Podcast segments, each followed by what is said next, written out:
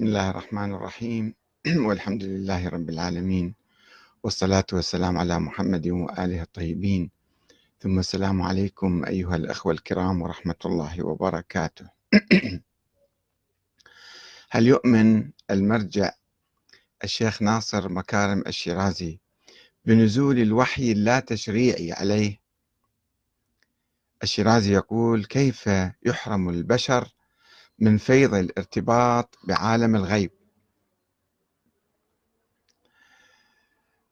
الانحرافات التي حدثت في التاريخ الإسلامي سواء عن الإسلام أو عن التشيع الفرق المغالية مثلا هذه كانت دائما تبدأ بأفكار صغيرة زاوية صغيرة جدا ثم مع الزمن كانت تنفرج هذه الزاوية ويكبر الانحراف ويكبر ويكبر حتى أحيانا يخرج عن عن الدين أو عن التشيع مثلا. حركات مغالية كانت في عهد الأئمة ولا تزال. مثلا الحركة البهائية الآن هناك دين يسمى الدين البهائي. هؤلاء أصلهم قبل 150 سنة تقريبا آه، كان أصلهم من الشيعة مسلمين وشيعة. آه، تفرعوا عدة مرات يعني عن الحركة الشيخية. الحركة الشيخية قام بها الشيخ أحمد الأحسائي.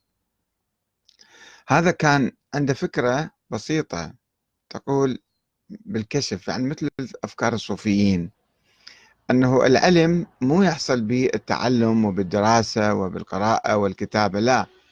العلم يجي بالكشف من الله تعالى من الإلهام مثلا.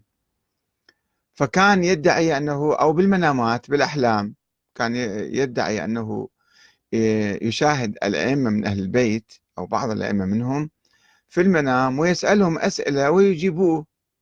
يعني كأنه آه، يعني قناة اتصال مفتوحة عنده مع أهل البيت مع الغيب. وبالتالي كان يتحدث بأشياء ما فيها سند ما فيها أصل ما فيها يعني مرجع. هو فقط يقول أنا شفت بالمنام من يقدر يقول له لا أنت كذبت مثلا؟ ما شفت بالمنام. العلماء الشيعة وعامة المسلمين لا يعتبرون الأحلام مصدرا يعني علميا. أحلام واحد شايف شيء. هذا طور الحلم إلى درجة أكبر. لا سواء كأنه علم يحصل. يحصل عنده إلهام أو كشف. أو ما شابه من الأمور هذه اللي يتعرف عليها الصوفية. فكان يتنبأ أو كان يقول نيابة عن الأئمة أنه بعد ألف سنة من ميلاد الإمام المفترض الإمام الثاني عشر محمد بن الحسن العسكري سوف يخرج يظهر. مو هو غائب صار له ألف سنة؟ من 255 ولد وغاب 260 ف 1255 هجرية. يعني قبل حوالي 200 سنة يصير تقريبا. أنه سوف يخرج هذا الإمام. كلام بدون علم كلام رجما بالغيب. وسوى حركة واسعة جدا في العراق وإيران والخليج والبحرين وكان يروج إلى هذه الفكرة.